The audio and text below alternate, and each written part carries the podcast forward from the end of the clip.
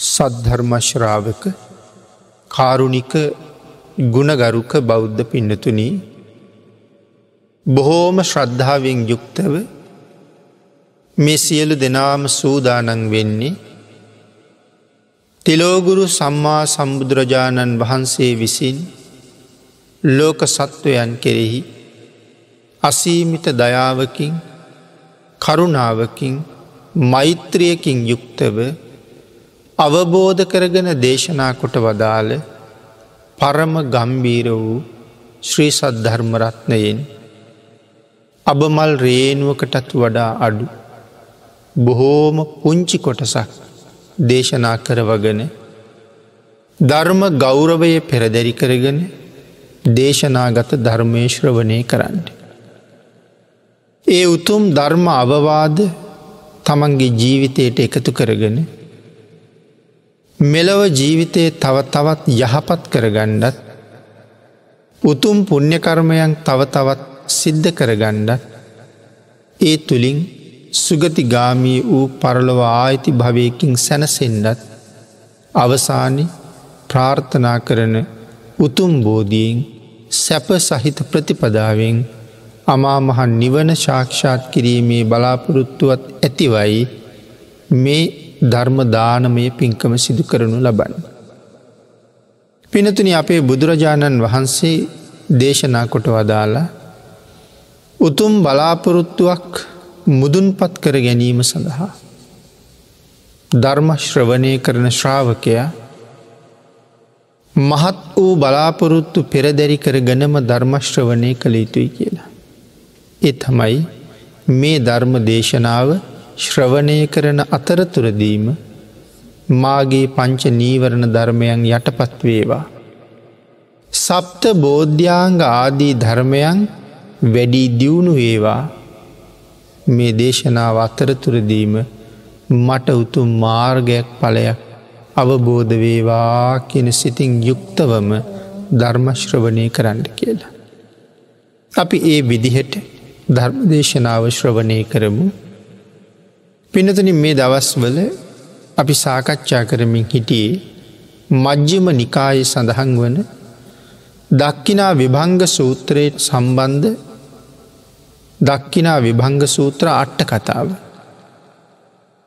අට්ට කතාව මූලික කරගෙන ධර්මදේශනා හතරත් මේ වෙනකොට සිද්ධ කරලා නිමා කරලා තියෙනවා. ඒ දේශනා මාලාවි පස්වනි ධර්ම දේශනාවයි අද මේ සිදු කරන්න බලාපොරොත්තු වෙන්නේ. පිනතනි දක්කින විභංග සූත්‍රයෙන් විශේෂයෙන් සාකච්ඡා කරන්නේ දානය ගැන. මේ ශාසනයේ සාංගීක දාන හතකුත් පෞද්ගලික දාන දා හතරකුත් භාගිතුන් වහස පැහැදිලි කරනවා. සාංගීක දාන හතේ පළවෙනි සාංගීක දානය තමයි බුදුරජාණන් වහන්සේ ප්‍රධානව උබතෝ සංඝයා වැඩම කරවලා දෙන දානේ උබතෝ සංඝයා කියල කියන්නේ භික්‍ෂූන් වහන්සේලත් භික්‍ෂුණීන් වහන්සේලත් දෙපිරිසම වැඩඉන්න. ප්‍රමාණය මෙච්චරක් කියල සීමාවක් නෑ. දෙවනි සාංගීක දානය බුදුරජාණන් වහන්සේ නැහැ නමුත් උබතෝ සංඝයා ඉන්නවා. භික්‍ෂු භික්‍ෂුණී දෙපිරිසම වැඩඉන්නවා භාගිතුන් වහසේ නෑ. නමුත් භාග්‍යතුන් වහසෙත් වැඩඉන්න දානය පරම දක්කිනී යයි. ඊට සමාන දානයක් නං ලෝකෙ තවනෑ. ඊළඟට සඳහන් කරලා අට්ටකතාව ප්‍රශ්නයක් අහනවා අද භාග්‍යතුන් වහස පිරිනිවම් පාලා. නමුත් යම් දායකයෙකුට ශ්‍රද්ධාවන්තයකුට අවශ්‍ය නම් පළවෙනි සාංගීක දානය අදත් පූජා කරන්න බැරිද කියලා. ඒකට උත්තරයක් දෙනවා පුළුහන් කියලා. නැවත ප්‍රශ්නයක් අහනවා ඒ කොහොමද කියලා. එකට උත්තරේ සපයනවා භික්‍ෂූන් වහන්සේලත් වැඩම කරවල භික්‍ෂුණීන් වහන්සේලත් වැඩම කරවල භාග්‍යතුන් වහන්සේගේ සරුවඥ ධාතුන් වහන්සේල වැඩඉන්න සදහතුක කරඩුවක්. එහෙම නැත්තං පිළිම වහන්සේ නම වැඩමෝල මැද්දෙන් වඩා හිඳවනවා. බුද්ධාසනය හදල මැදින් වඩා හිඳවනවා. භික්‍ෂු සංඝයා දෙපසින් වැඩඉන්නවා. එහෙම ඒ පළවෙනි සාංගීක දානය අදත් පූජා කරන්න පුළුවන්. නමුත් පින්නතුනී ජීවමාන බුදුරජාණන් වහන්සේට වැඩම කලානං යම් උපස්ථානයක් උපකාරයක් කරනවද ඒ පින්කම වෙලාවේ උපකාරය එහෙම්මම කරන්නඩුන්නේ. භාග්‍යතුන් වහන්සේටත් ශ්‍රී හස්ත දහතුව දෝවනය කරන්න පැන් සපයන්ඩෝනය අපි. භික්‍ෂු සංඝයාට දං පූජා කරන්න කලින් බුදුරජාණන් වහන්සේ උදෙසා කරන පූජාව තැන්පත් කරන්න ඕනේ. ඒ පූජාව තැන්පත් කරනකොට භාගිතුන් වහසේ අද දානෙ වලඳනවම නං මෙතන. අපි කොහොමද දානි සකස් කරන්න. අපි කොහොමද දානය එතෙන්ට පිළියල කරන්න. ඒ සියලු කාරණා ඒ විදිහට සම්පූර්ණ කරන්න ඕනේ භාග්‍යතුන් වහන්සේ මෙතන ජීවමානුව වැඩඉන්නවාය කියන උතුම් සංඥාව සහිතව. සියලුම දේවල් සම්පාධනය කරලා බුද්ධ පූජාව පිළිගන්වලා ඔබතෝ සංඝයාට දන් දෙනවා.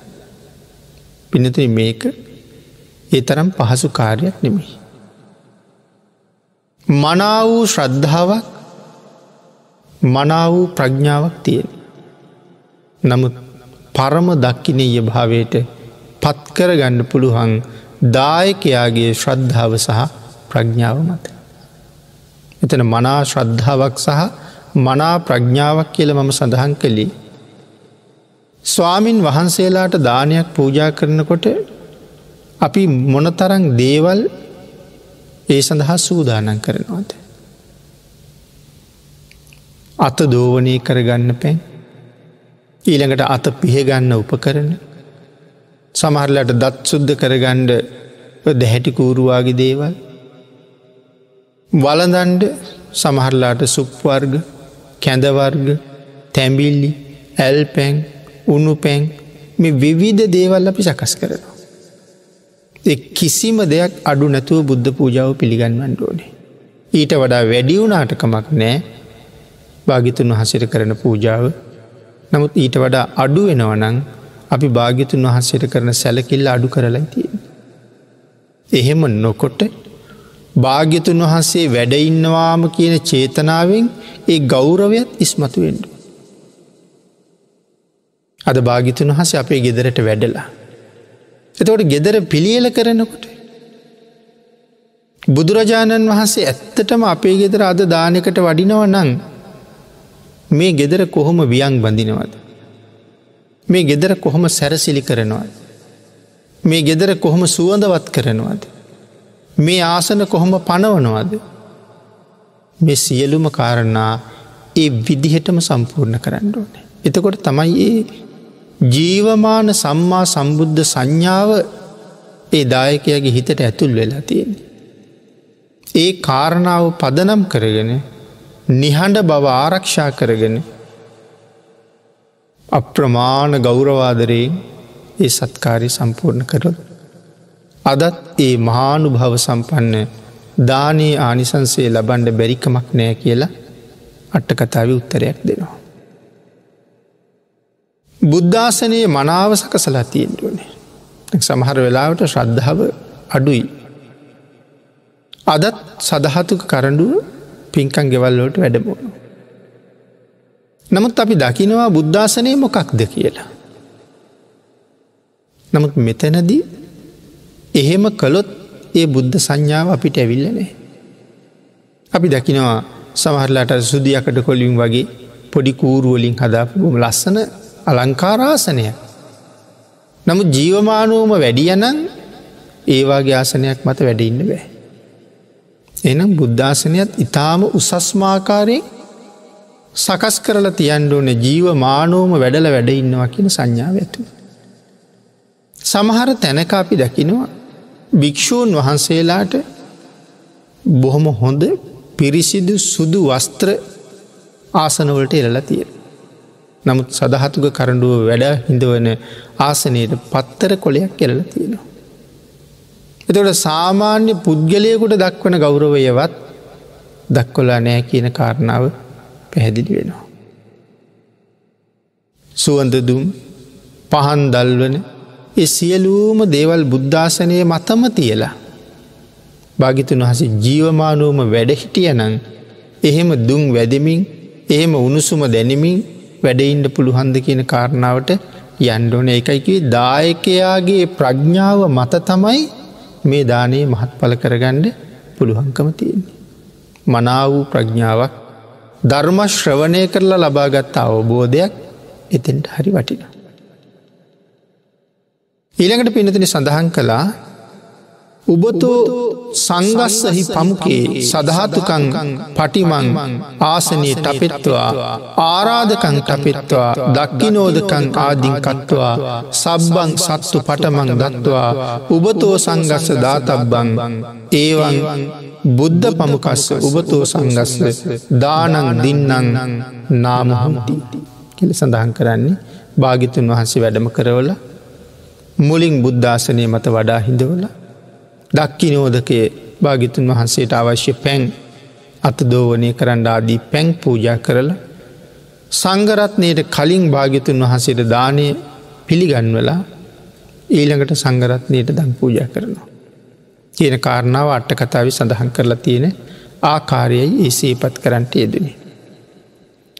තත්ත්වයන් සත්තු දින්නන් තංකින් කාතබ්බන් යමෙක් ශාස්තෘන් වහන්සේට පූජා කලා නං ඒට කුමක් කරනවද දැ පිනතින අපි අද සදහතුක කරඩුව වැඩමෝල පළවෙනි සාංගීක දානය වගේ දානයක් පූජ කරලා යම් පරිෂ්කාර ජාති සකසලා තිබුණනං පූජ කරන්න භාගිතුන් වහන්සේටත් කොටසක් අපි වෙන් කරලයි තිය. නමුත් ජීවමානෝම නැහැ සධාතුක කරඩුවයි වැඩ මෝලතින්.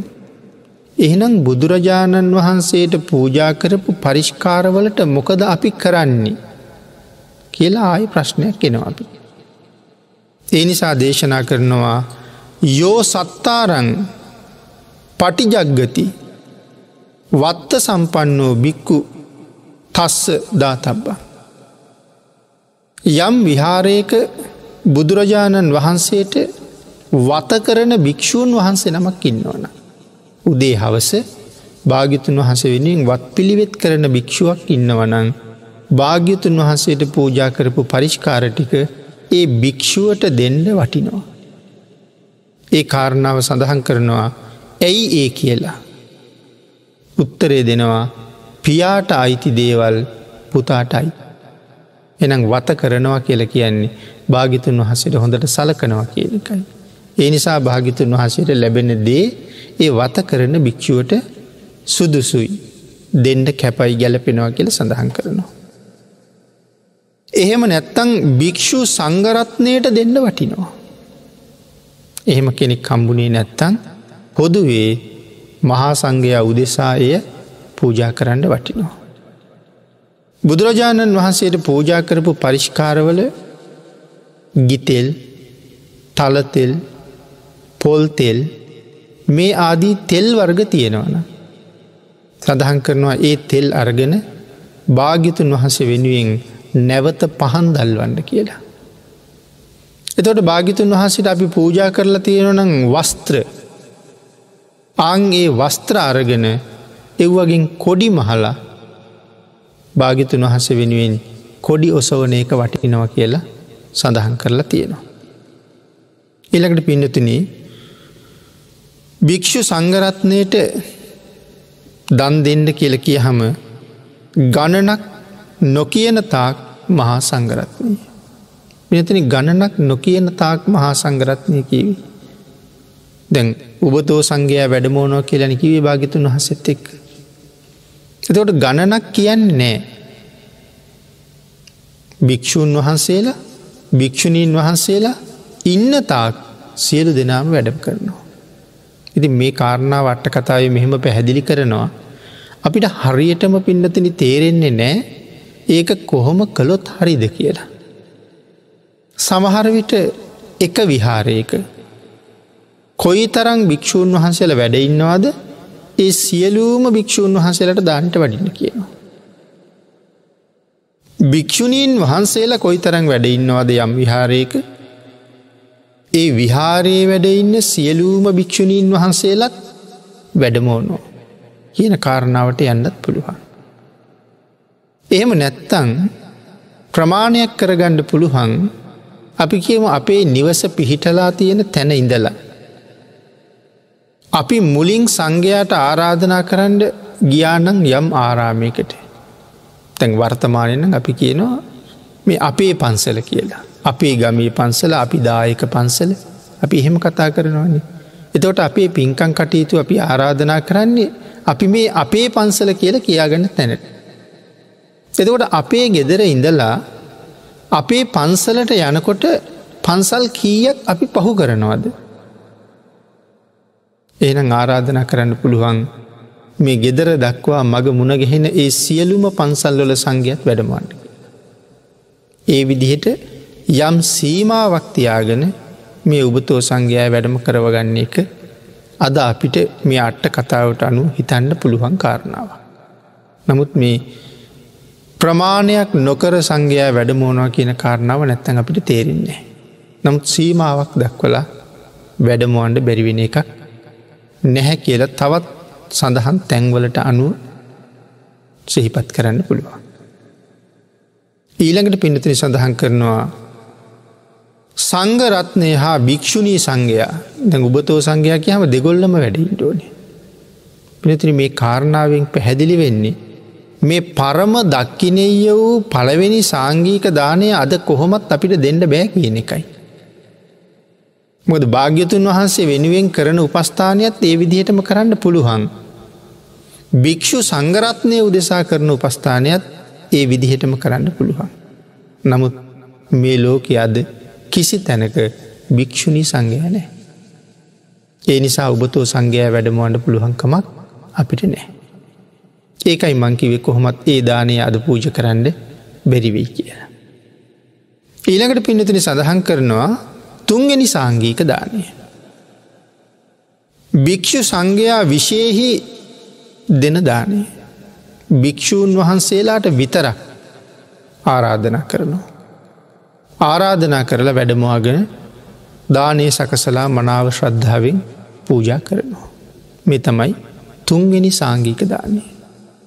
තුන්ගනි සංගීක දානය අද අපිට ඒ විදිහට දෙන්න පුළුවන් නමුත් පිනතින වෙතන ප්‍රමාණයක් කියන්නේ නෑ.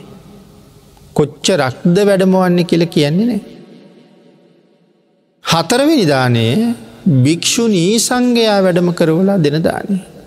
තොට මේ දානය අද දෙන්න බැරි බව අපි දන්නවා මෙතනත් ප්‍රමාණයක් කියන්නේ එක්වර මුලින් අපි සඳහන් කලා වගේ යම් සීමාවක්තියා ගන්නවා. මේ පලාතෙම වැඩඉන්න භික්‍ෂණී සංඝයා වැඩමෝනු.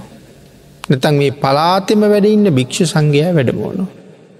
නැත්තම් මේ දිස්ත්‍රික්කෙම වැඩඉන්න භික්ෂ සංඝයා වැඩමෝනු. ආං එහෙම සීමාවක්තියා ගණ්ඩ පුළුවන් ඇති. ඉළඟට පස්සනි දානය කියනවා ප්‍රමාණයක් වසයෙන් භික්‍ෂූන් හා භික්‍ෂුණීන් වැඩමෝල දෙන දානය. ප්‍රමාණයක් තියෙනවා. භික්‍ෂූන් වහන්සේලා දහනමයි භික්‍ෂුණීන් වහන්සේල දහනමයි. දහයක් කියල ප්‍රමාණයක් තියෙන. ඉතින් මේ පස්වනි සංගීක දානයක් එතකොට අද දෙන්න බෑ. ඇයි වැඩමුවන්ට භික්‍ෂුණී සංඝයා නැති නිසා. හයවෙනි සංගීක දානය සඳහන් කරනවා ප්‍රමාණයක් කරලා භික්‍ෂු සංඝයා වැඩම කරවලා දෙන දාන්නේ. අපි අපේ පන්සලට ගිහිල්ල නායක හාමුදුරන්ට ආරාධනාවක් කරනවා ස්වාමීණී අහවල් දවසේ ගෙදර දානයක් පූජා කරන්න කල්පනා කළා මට ඒ සඳහා භික්‍ෂූන් වහන්සේල දහනමක් අවශ්‍යයි. ප්‍රමාණය උන්වහන්සට කිය. ප්‍රමාණයක් කරලා ආරාධනා කරනවා දහනමක් නම් පහලුස් නමක් නම් විසි නමක් නම් ප්‍රමාණය කියලා ආරාධනා කරනවා. එහෙම වැඩමෝල දානි පූජ කරනවා. හත්තනි සංගීක දානයක් පින්නතින අද පූජ කරන්න බෑ ප්‍රමාණයක් දක්වලා භික්‍ෂුණී සංඝයා පමණක් වැඩමෝල දෙන සංගීක දාන. ඒ දානයත් අද අපිට පූජ කරන්න ලැබෙන්නේ නෑ කියන කාරණාව වෙතකොට අපි දන්න. ඊළකට පිනතින සඳහන් කරනවා කාසාව කණ්ටක සංගෝ දින්නං දක්කිනාපි ගුණසංකායේව අසංකෙයාති උත්තන්. තවත් අනාගතයට යනකොට මේ ශාසනයේ කාසාව කණ්ටක කියලා භික්‍ෂු පිරිසක් පහළ වෙනවා. කණ්ටය කියල කියන්නේ බෙල්ලට. එතකොට ඒ භික්‍ෂූන් වහසල හඳුන ගන්නේ කොහොමද. බෙල්ලෙ විතරක් කහපාට පටියක් බැඳගෙන ඉන්නවා. අං ඒකෙන් හඳුනගන්නවා මේ භික්‍ෂුවක්. පිනතුනි සඳහන් කරනවා වෙන ගත යුත්තක් නෑ කියලා. බෙල්ලෙ කහපාට පටියක් තියෙන. විවාහ වෙලයි ඉන්නේ. දරුමල්ලො ඉන්නවා. හේන් කුඹුරු වැඩ කරනවා. රැකී රක්ෂා කරනවා. ව්‍යාපාර කරනවා. මේ සියල්ලම කරනවා. හඳුනගණ්ඩ තියෙන්නේ බෙල්ලෙ කහපාට පටියක් තිය. ඒකයි කාසාව කන්ටක බෙල්ලෙ කහපටියක් තියෙනවා. බෙන ගත යුත්තක් නෑ. සඳහන් කළා මෙන්න මේ කාසාව කණ්ටක සංගරත්නය කෙරෙහි වනත් දුන්න දක්ෂිනාවේ ගුණ සංඛ්‍යාව ගත්තහම ඒද අසංකේ ආනිසංසයි කියලා. ආනිසංසය අසංඛ්‍ය ආනිසංසයි. මේ අසංකෙයන් අපමෙයන් කියන කාරණාව මේ දේශනා මාලාවි මුලින් අපි පැහැදිලි කරන්න යෙදෙන. දැඟතවට මෙතන ඉන්න දුස්සීල දුක්ස් දුස්සීලේ සියලු ගෘහ කටයුතු කරන කෙනෙක්නේ එතකොට දුස්සීලයි. එතකොට පෞද්ගලික දාන කතා කරනකොට දුස්සීල පුද්ගලයෙක් උදෙසා දෙන දානය ආනිසංසය අනාගත ජීවිත දාහක තමා විපාක දෙන්නේ. දුස්සීලයෙක් උදෙසා දෙන දානී ආනිසංසය අනාගත ජීවිත දාහක් විපාක දෙන. එතවට කෞුද දුස්සීලයා කීවි තිසරනත් නෑ පන්සිලුත් නෑ. එමන මෙතන කාසාව කණ්ටක කියලා හඳුන්වන්න කොටත් අර අපි සඳහන් කරපු ගෘහ කටයුතු ඔක්කොමත් කරනවා නම් ඒ අයි පන්සිල් ආරක්ෂා කරගෙනම ඉන්නවද කියන කාරණාවක්වත් අපි දන්නේ නැහැ. නමුත් භික්‍ෂු කියල කතා කරනවා නං භික්‍ෂුවට පන්සිල් ගැන කතා කරන්නේ නෑ. භික්‍ෂුව ඉන්නේ පන්සිල් කියන මට්ටමට වඩා හුඟක් උඩි. පන්සිල් කියල කියන්නේ පල්ල හැම සීම. ගිහිපින්නතුන් අනිවාර්යෙන්ම ආරක්ෂා කර ගත යුතු සීලය මීට වඩා පල්ල හැට සීලයක් නෑ. මේ තමයි ප්‍රාථමිකම ප්‍රමාණය. යමෙකුගේ ජීවිතයේ මේ ප්‍රමාණයත් රැකගණ්ඩ තාමත් බැරිනං ඔහු ඉතාම අදක්ෂ දුරුවල පුද්ගලේ. මේ ප්‍රාථමික මට්ටමටවත් එන්ඩ බැරින ඉතාම අදක්ෂ දුරුවල පුද්ගලේ.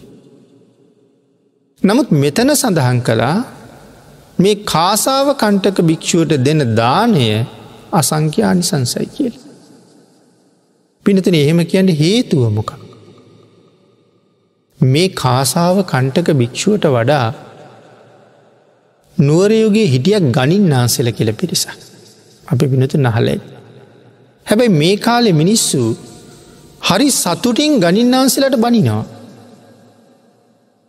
තාසනයේ විනාස කරපු පිරිසක් වගේ දකි. ගනින්නාන්සෙලානි කියල කියනවා. චෝදනා කරන්න ගියහමත් එහෙම කියනවා. නමුත් පින්නතන අපි සතුටින් බැන්නට බනින්ඩ වටින්නේ නැති පිරිසක්. සිල් තිබ්බද නැද්ද කියන කාරණාව වටින්නේ. වටිනවා නමුත් මෙතනදී ගනින් නාන්සල කියල කියන්නේ සිල් නැති වනත් බුද්ධ ශාසනයේ ආරක්ෂා කරගණ්ඩ. අද ඔබට මට මේ සසුන මේ මට්ටමට රැකල දෙන්ඩ ජීවිත පරිත්‍යාගෙන් කටයුතු කරපු පිරිසක්. මරන්ඩ හොයාගෙන එනකොටත් ශාසනය අතහැරල ගියපු නැති පිරිසක්. ඒ තරං ශාසනයට ලෙංගතු පිරිසක්. නමුත් අපි එහෙම හිතල බලහම වර්තමාන ශාසනයට එච්චර ලෙංගතුයි කළ හිතෙන්නේ. සමහරයි සමහර ආගංවලාය තමන්ගේ ආගම වෙනුවෙන් අදහන ලබ්දිය වෙනුවෙන් ජීවිතෙත් පරිත්‍යාග කරන. නවත් අපි ඒගොල්ලන්ට බනිනවා. මිත්‍යාදෘෂ්ටික තමයි නමුත් ජීවිතය වනත් ආගම විඩියෙන් පරිත්‍යාග කර. එනම් අපි ඒ මිනිස්සුන්ට බනිනවට වඩා අපි හිතන්ඩෝ නෑ අපේ ශාසනය වෙනුවෙන් අපි මොනවද කරලා තියන්නේ කියලා. එතෙන්ටයි අපි අන්ඩුවන. එතකොට මේ කාසාව කණ්ටක කියල කියන්නේ මේ ගනින් ආන්සලාටත් වඩා ඉතාම ප්‍රාථමික මට්ටමේ තමයින්නේ. නමුත් අසංඛ්‍යානි සංසයි කියල කියන. අපි ගැන්නේ දුස්සීල කියලා කාටද පින්නතින දුස්සීල කියල කියන්නේ. දුස්සීල කියල කියන්නේ පාරාජිකා වෙච්ච භික්ෂුවට. එතකොට පාරාජිකා වෙලානං දුස්සීලයි. සංග ගනයට අයිති අයිති නෑ. එහෙම නං මෙන්න මේ කාසාව කණ්ටක භික්ෂුවත් දුස්සීලයි. ඒ වුණට පින්නතන දුස්සීල සංග කියල පිරිසක් ඉන්නවාද. මිනිසු බයිනවනේ දුස්සීල සංඝයා. දුස්සීලනං සංග නෙමේ දුස්සීල සංඝයා කියල පිරිසක් ශාසනය ශාසනය නෑ මේ ශාසනය හරි පිරිසිදුයි තාම නිර්මලයි පහරාද සූත්‍රයේ පහරා දසුරයට භාගිතුන් වහස කාරණ අටක් දේශනා කරනවන්නේ. අසුරයෝ ඉන්නේ මහසාගරය ඇසුරු කරගෙනන්නේ. එතකොට මේ අසුරයා භාගිතුන් වහසට සඳහන් කරනවා මහසාගරයේ තියෙන ගුණ අටක්. ඒකින් එක ගුණයක් හැටියට පහරා දසුරේන්ද්‍රය සඳහන් කරනවා ස්වාමීණි මහසාගරයේ කුණු නෑ මොකවත් කුණු තියාගන්න නෑ. යම් කුණක් සාගරයට වැටුණොත්. නැත්තන් සාගරයේ ඉන්න මත්සියෙක් නමුත් මැරිල කුණු වෙනවනං. සාගරී තියාගන්න නෑ. රැල්ල විසින් ටික ටික ටික ටික ටික ටික තල්ලු කරලා ගෙනල්ල ගොටඩම විසි කරලා දාන්න. සාගරී තියාගන්න නෑ. එඳ සාගරී හරි පිරිසිදුයි. ඉළඟට භාග්‍යතුන් වහන්සේ අසුරේන්ද්‍රයට සීපත් කරනවා සම්මා සම්බුද්ධ ශාසනයත් ඒ වගේම තමයි කියලා. අසුරේන්ද්‍රය මේ ශාසනිත් කුණු නෑ. සම්බුද්ධ ශාසනයේ හැමදාම නිර්මලයි හැමදාම පිරිසිදු. මේ ශාසනිත් කුණු නෑ. යම් දුස්සීලයෙක් ඉන්නවනං ඒ දුස්සීලයා වහාම සසුනින් නෙරපෙනවා. එමන පිනතින දුස්සීල වෙච්ච ගමන් භික්‍ෂූ කියන ගනයට වැටෙන්නේ. දුස්සීල කියන්නේ පාරාජිකා වෙච්ච කෙනාට එය භික්‍ෂුනෙමි. දුස්සීල සාමනේර කියල කියන්නේ දුස්සීල සාමනේරියෝ නෑ. දුස්සීල වෙච්ච ගමන් ශාසනින් අහකට ගිල්ලි වෙරයි. සාමනේර භික්‍ෂූන් වහස නම දස සිල්ලා ආරක්ෂා කරන කෙනෙක්. හැබැයි ගෘහස්ත දසසීලයයි සාමනේර දසසීලයයි කියෙන දෙක. ගෘහස්ත දසසීලයට වඩා ලොකු කැපකිරීමක් කරන්න ඕන සාමනේර දසසීලය රකිට. හේතුව තමයි ගිහි අයගේ දසසිල් සමාදන් වෙච්චහම එක සිල් පදයක් කැඩුනොත් පන්සිල්වලින් එකක් කැඩුනොත් එයාට නමයක් ඉතුරු නමුත් පොඩි හාමුදුරුවන්ට එහෙම නෙමෙයි පන්සිල්වලින් එකක් කැඩුනොත් දහයම කඩා වැටෙන. ආගේ නිසා පන්සිල්වලින් එකක් කැඩිච්ච ගමන් සාමනේර භාවය අහෝසි වෙලා නැත්තටම නැතිවෙලා යනවා. කුඩා අවදී ඕන තරන් එහෙම කැඩෙන්න්න පුළුවන්. නමුත් ඒක දැනගත්ත ගමන් ගුරු හාමුදුරුවගාවට ගිහිල් ආචාරයන් වහසළඟට ගිහිල්ල කියන්නඩුවන. ස්වාමීනී බොරුවක් කියවුණා. එක් කියපු ගමන් ආචාරයන් වහස නැවත වතාවක් සීලයෙහි පිහිටෝනෝ එතන ඉඳලායි භික්ෂුව. නැත්තං සිල්පදෙ කැඩුන ගමන් ශාසනින් එලී. එන පාරාජිකා වෙච්ච ගමන් ශාසනින් එලී. ශාසනය ඇතුළේ දුස්සීලියු නෑ. එනම් දුස්සීලියෝ නැත්තං දුස්සීල සංග කියල පිරිසක් ඇත්තනෑ. නමුත් මේ කාසාව කණ්ටකයට නමුත් පින්නතුනී අපි දන් දෙන්නේ භික්‍ෂු මහා සංගරත්නය අරමුණු කරලා. මේගොල්ලො දුස්සීල බව ඇත්ත. නමුත් අපි දානෙ දෙන්නේ පිරිසිදු සිල්වත් සංඝයා අරමුණු කරල තමයි මේ දානෙ දෙන්නේ. අන්න ඒ නිසා දායකයට එදාටත් අසංඛ්‍යානිසංස සහිතයි. පුද අරමුණු කරන්නේ සංගරත්නයකටත් හොඳ ප්‍රඥාවක් ඕන. වර්තමානි අපි සාංගීක දාන සාංගීක දාන කියල පූජා කරන දාන සඟ සතුද කියල ප්‍රශ්නයක් පැනනැගෙනවා මේ විදිහට නිරාකරණය කරලා තියෙන තැන් දැක්කාම. ඒකට කරුණු රාශිය ඉස්සරහට පැහැදිලි කරලා තියෙනවා.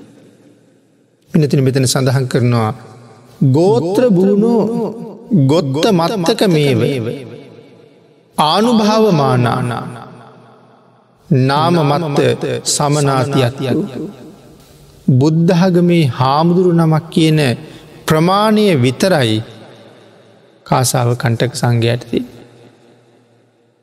මේ කහ පටිය බැඳගෙන ඉන්න බුද්ධහගමේ හාමුදුර කෙනෙ. කියන ගෝත්‍රය විතරයි තියෙන බුද්ධහගමී කියන. වෙන බුද්ධ ශාසනයට සම්බන්ධ දේවල් ඔහුළඟ ඔහුළඟ නෑ. තේසු දුස්සීලේසු සංගන් උද්දිස්සදානං දස්සන්තීති. එත්ත දුස්සීල සංගන්තය නවුත්තන්තන්.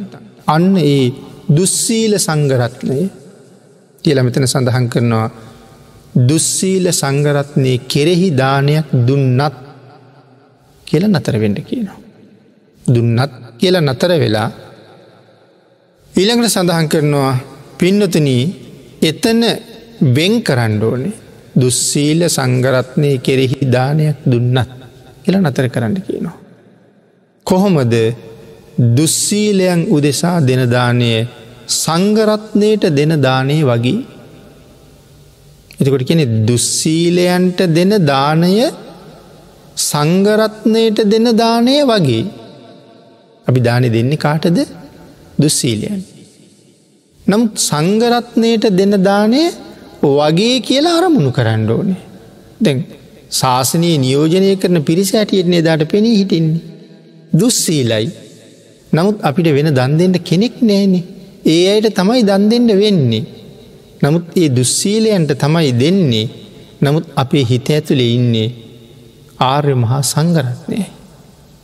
එතකොට අපි දන් දෙන්නේ දුස්සීලයන්ට නෙමේ අපි දෙන්නේ ආර්ය මහා සංගරත්නය.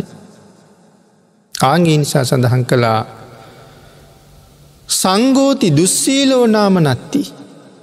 සංඝයාතරින් දුස්සීල කියල කොටසක් නෑ. එතකොට දුස්සීලයන්ට දුන්නට සංගරත්නය අරමුණු කරහම සංගරත්නය අතරේ දුස්සීලෝ කියල ජාතියක් ජාතියක් නෑ. දුස්සීලා පන උපාසකා තේසු දුස්සීලේසු බික්කු සංගං උද්දිස්ස සංගස්ස දේමාතිදානං. දුස්සීල උපාසකයෝ. ඒ දුස්සීලයන් කෙරෙහි තැන් එතකොට භික්‍ෂුව මෙහෙමනං එදාට ඉන්න ගිහි ප්‍රජාව ගැන කතා කරන දෙයක් ඇත්තෙම නෑන. එහෙමනං දුස්සීල උපාසකයෝ. දුස්සීලයන් කෙරෙහි භික්‍ෂු සංගරත්නය උදෙසා දුස්සීල උපාසකයෝ නමුත් දාන දෙන්නේ භික්‍ෂු සංගරත්නය වෙනුවෙන් තමයි දෙන්නේ. සංඝයාට දෙමී කියන චේතනාවෙන් දන් දෙනවනං කියන කාරණාව තමයි මෙතන විස්තර කරන්න කියල පැදිලි කරනවා. ඉති භගවතා බුද්ධ පමුකේ සංගේ දින්න දින්න දක්කිනාපි ගුණ සංකාය අසංකෙයාති උත්තන්. භාග්‍යතුන් වහන්සේ විසින් බුද්ධ ප්‍රමුඛ සංගරත්නයට දුන්න දානයේ ගුණය අසංකෙයයි කියලා දේශනා කරලා තියෙනවා.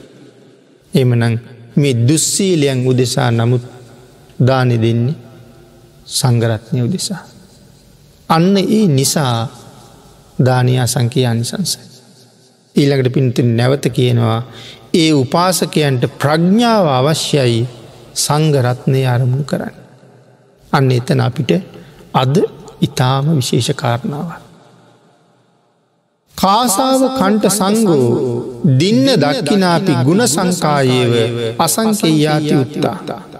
පිනතුන මෙතන සඳහන් කරනවා මේ කාසාව කණ්ටක සංගරත්නය කෙරෙහි වුනත් දුන්න දානය ගුණ අසංකේය බවගත්තහම එතන් ගුණ සංඛ්‍යාව අසංකේයයි කියලා තමයි සඳහන් කරන්න කියලා. ඉළඟට මෙතන සඳහන් කරනවා තවත් විශේෂ කාරණාවක් මේ සංගසත්තු දන්දීමේදී සංගරත්නය කෙරෙහි ගරු කරන්න පුළුවන් කෙනෙක් විසින් පිරිනමනව නං යම්දානය ආං එහි ආනිසන්සේ ලබන්ඩ පුළුවන්. සංගරත්නය උදෙසා යම් කෙනෙක් දානයක් පිරිනමනවනං ඔවුට ප්‍රඥාව තියෙන්ට මෝනෑ මහා සංගරත්නය අරමුණ කරන්න. එකට හේතු පිනතින සඳහන් කරනවා පුද්ගල සංඥාව ආවොත් ආනිසංස ලැබෙන්නේ නෑ කියලා. පුද්ගල සංඥාවෙන්ඩ බෑ. සංග සංඥාවම තමයි තියෙන්ටුවනි. සඳහන් කරනවා මෙය යම් කිසියෙකු විසින් සංගගත දක්ෂිනාවක් දෙමී කියලා. යම් දායකයෙක් විසින් භික්‍ෂූ මහසංඝයා උදෙසා සඟසතු කරලා දානයක් දෙනවා කියලා අධිෂ්ඨාන කරලා. දාන වස්තුවක් පිළියල කරලා විහාරයට ගිහිල්ලා විහාරය ඉන්න නායක හාමුදුරුවන්ට මතක් කරනවා ස්වාමීනී මට සංගරත්නය උදෙසා එක භික්‍ෂූන් වහන්සේ නමක් දෙන්න. ගෙදර දානි පිළියල කරලා ගිල්ල කියනව ස්වාමීණි මට සංගරත්නය උදෙසා එක භික්‍ෂූන් වහස නමක් දෙන්න කියලා. එහෙම කියහම නායක හාමුදුරු කුඩා සාමනීර හාමුදුරු නමකට කතා කරලා කියනවා මේ දායක මහත්තයගේ ගෙදර ගිහිල්ල දානි වලඳලා පුුණ්‍යානු මෝදනා කරලා එන්න කියලා. දැන් දායක මහත්තය දන්නවා උපසම්පදාවෙල් නැති පුංචි හාමුදුරු කෙනෙ මට ලැබුණි. කියලා එයා නොසත්තුටට පත්වෙනවා. නමුත් ගිහිල්ල දානි පූජා කරනවා. එයා නොසතුටට පත්තිච්ච නිසා එයාගේ දානය සඟ සතු වෙන්නේ නෑ. ඇයි නොසතුටින් යන්නේ. සාමනේර නමක් ලැබුණ කියල. ඊළඟට පිඩතිරි සඳහන් කරනවා. නැවත පන්සලට ගිහිල්ල දානය සකස් කරලා එහෙම මතක් කරහම්.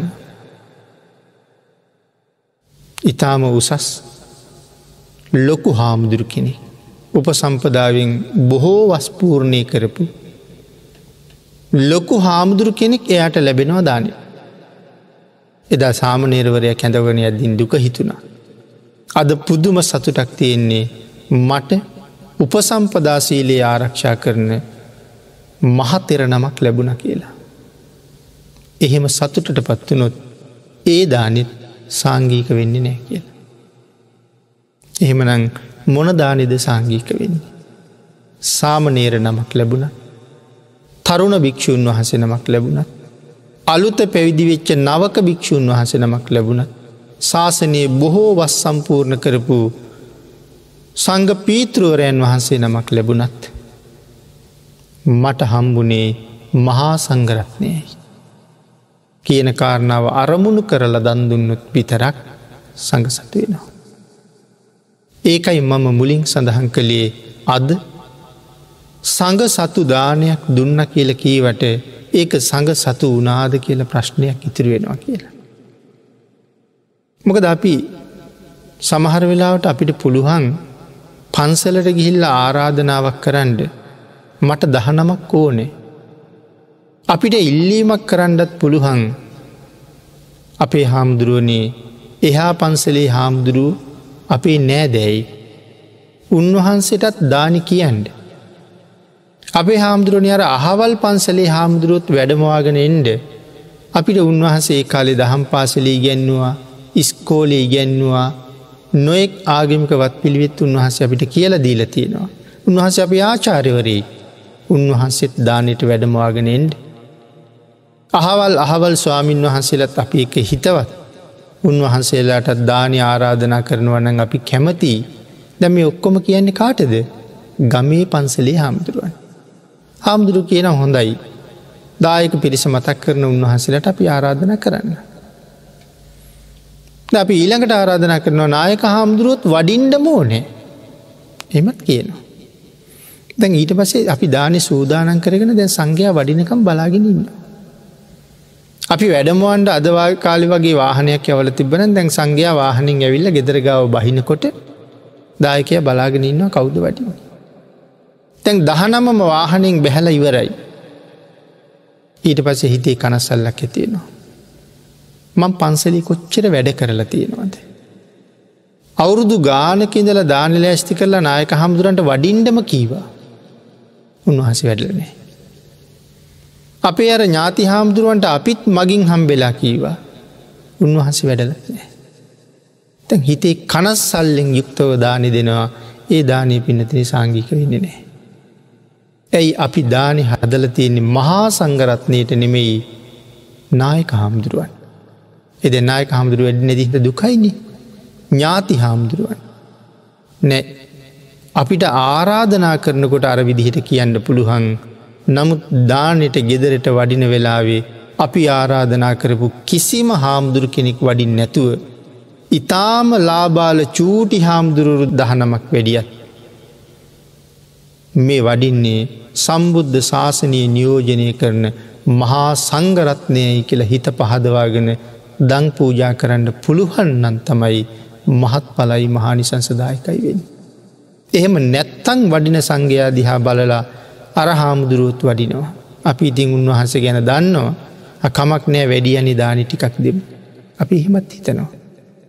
එහෙම හිතුවත් ඒත් අපේ දානයේ සඟ සතු වෙන්නේ නැ අපිට ඒ වෙලාවට වටින්නේ මහා සංගරත්නය. ඒකට උදාහරණ කතාවක් තියෙනවා අපි එක සඳහන් කරලා ධර්ම දේශනා විවර කරන. එක දායක මහත්මයෙක් දානයක් පිළියල කරලා. විහාරිට ගිහිල්ල ආරාධනා කළා ස්වාමීනී මට සංගරත්නය වෙනුවෙන් භික්‍ෂු නමක් දෙට කියලා. ඒ දායකයා හොඳටම දන්නවා මේ හාමුදුරුව දුස්සීලෙක් ඒ හාමුදුරුව තමයි දායක මහත්තයට ලැබුණ. එකන පාරාජිකා වෙච්ච භික්ෂුව. දායක මහත්තය එක හොඳට දන්නවා ඒ භික්‍ෂූන් වහසගේ ස්වභාවය. නමුත් හාමුදුරුව වගේ ඉන්නවනේ. දැඟතවට පන්සලෙන් ලැබුණ ඒ හාමුදුරුව පෞද්ගලිකව හොඳටම එයාගේ චරිතය දන්නවා. නමුත් දායක මහත්තය ගෙදර ගිහිල්ල. වියන් බැඳල මල් වියන් හදල මල් පාවඩ දාලා සුවඳ පැන් සකස් කරලා සුවඳ දුම් අල්ලලා දානශාලාව සුවඳ කරලා හරියට නිකං අද බුදුරජාණන් වහන්සේ වැඩියනං මේ දානි කොහොමද පූජා කරන්නේ ආං ඒවාගේ සකස් කරලා බුදුරජාණන් වහන්සේට කරන සංග්‍රහයක් සත්කාරයක් හා සමානව මල් පාවඩ මතින් වැඩම කරෝගෙන ඇවිල්ලා දන ගහල පසඟ පිහිටුවල වැඳලා පාදතෝවනය කරලා සුව පහසු ආසනයක වඩා හිඳෝලා දානි පූජ කළා. පූජා කරලා එයා තමන්ගේ කාර්ය කරගත්තා. මහත් පල මහානිසංස වෙන විදිහ. දැන් එතකොට හාමුදුරුවන්ට උදේ කාලේ ලොකු සංග්‍රහයක් දායකයක් කලානි. හැන්දෑවේ හාමුදුරුවන්ට පන්සලේ වැඩකට වුවමනා වෙලා තියෙන උදැල්ල. හාමුදුරුව දායක මහත්තයගේ ගෙදර ගියා උදැල්ල ඉල්ලගන්ට. දී යනකොට තාම දානට හදාපු මේ මල් පාවඩ මල් සැරසිලි වස් කරලව තියෙන නැතුවේත්. දායක මහත්තය ඉස්සරහ පුටුවක වාඩි වෙලා ඉන්න. හාමුදුරු වඩිනවා නැගිට්ටවත් නෑ. ඉඳගෙන මැහුව ඇයි කියලා. ඉට සඳහන් කළා පොඩි වුවමනාවකට උදැල්ලක් ටික කිල්ලගන්න. වාඩි වෙලා ඉන්න පුටුව ගාව උදැල්ල තිබ්බා. අර හාමුදුරුගාවට උදැල්ලට පයින් ගැහුව හාමුදුරුගාවට විසිවෙන්ට. ගෙදර අය බලාගෙනද ලැහුවා මේ භික්‍ෂුවට ඔබ උදේ කොහොම සංග්‍රහයක්ද කළේ. නමුත් දැන් පුටුවෙන්වත් නැගිටින් නැතුව ළඟට විසිවෙන්ඩ උදැල්ලට පයින් ගැහුවා ඇයි කියලා. සඳහන් කළා මම උදේ දානෙ දුන්නේ මහා සංගරත්නයට. නමුත් උදැල්ල දුන්නේ දුස්සීලයකුට. ප්‍රඥ්ඥාවන්ත දායකයා ලැබුණේ දුස්සීලයෙක් නමුත් තමන්ගේ කාර්ය මුදුම් පත් කරගණ්ඩ ඕන නිසා මහා සංගරත්නයට දක්වන ගෞරවේ දක්වනවා. ආංගිකයි සඳහන් කළේ මේ දානය මහත් පල කරගණ්ඩ දායකයා සතු හොඳ ප්‍රඥාවක් අවශ්‍යමයි කියලා. දැන් සලකන විදිහ ඔහුට වටින්නේ නෑ. අවශ්‍ය වෙලාවෙ සැලකිල්ල කරගන්න. පිනතිනි ධර්ම දේශනාවට තියෙන කාලේ නිමා වෙලා තියෙන නිසා අපි ධර්ම දේශනාව නිවා කරමු. මෙවන් උතුම් සූත්‍ර දේශනාවල් භාගිතුන් වහස දේශනා කළේම වර්තමානය අපිට මහාලොකු උපකාරයක් පිණිසමයි. ආංගේ නිසා මේ දහම් කරුණුවලට අනුව සිත් සකස් කරගෙන මනාව දංපැම් පූජා කරලා අපේ කාර්ය සම්පූර්ණ කරගන්න එක අපි සතු වගකීමක් බවට පත්වෙනවා.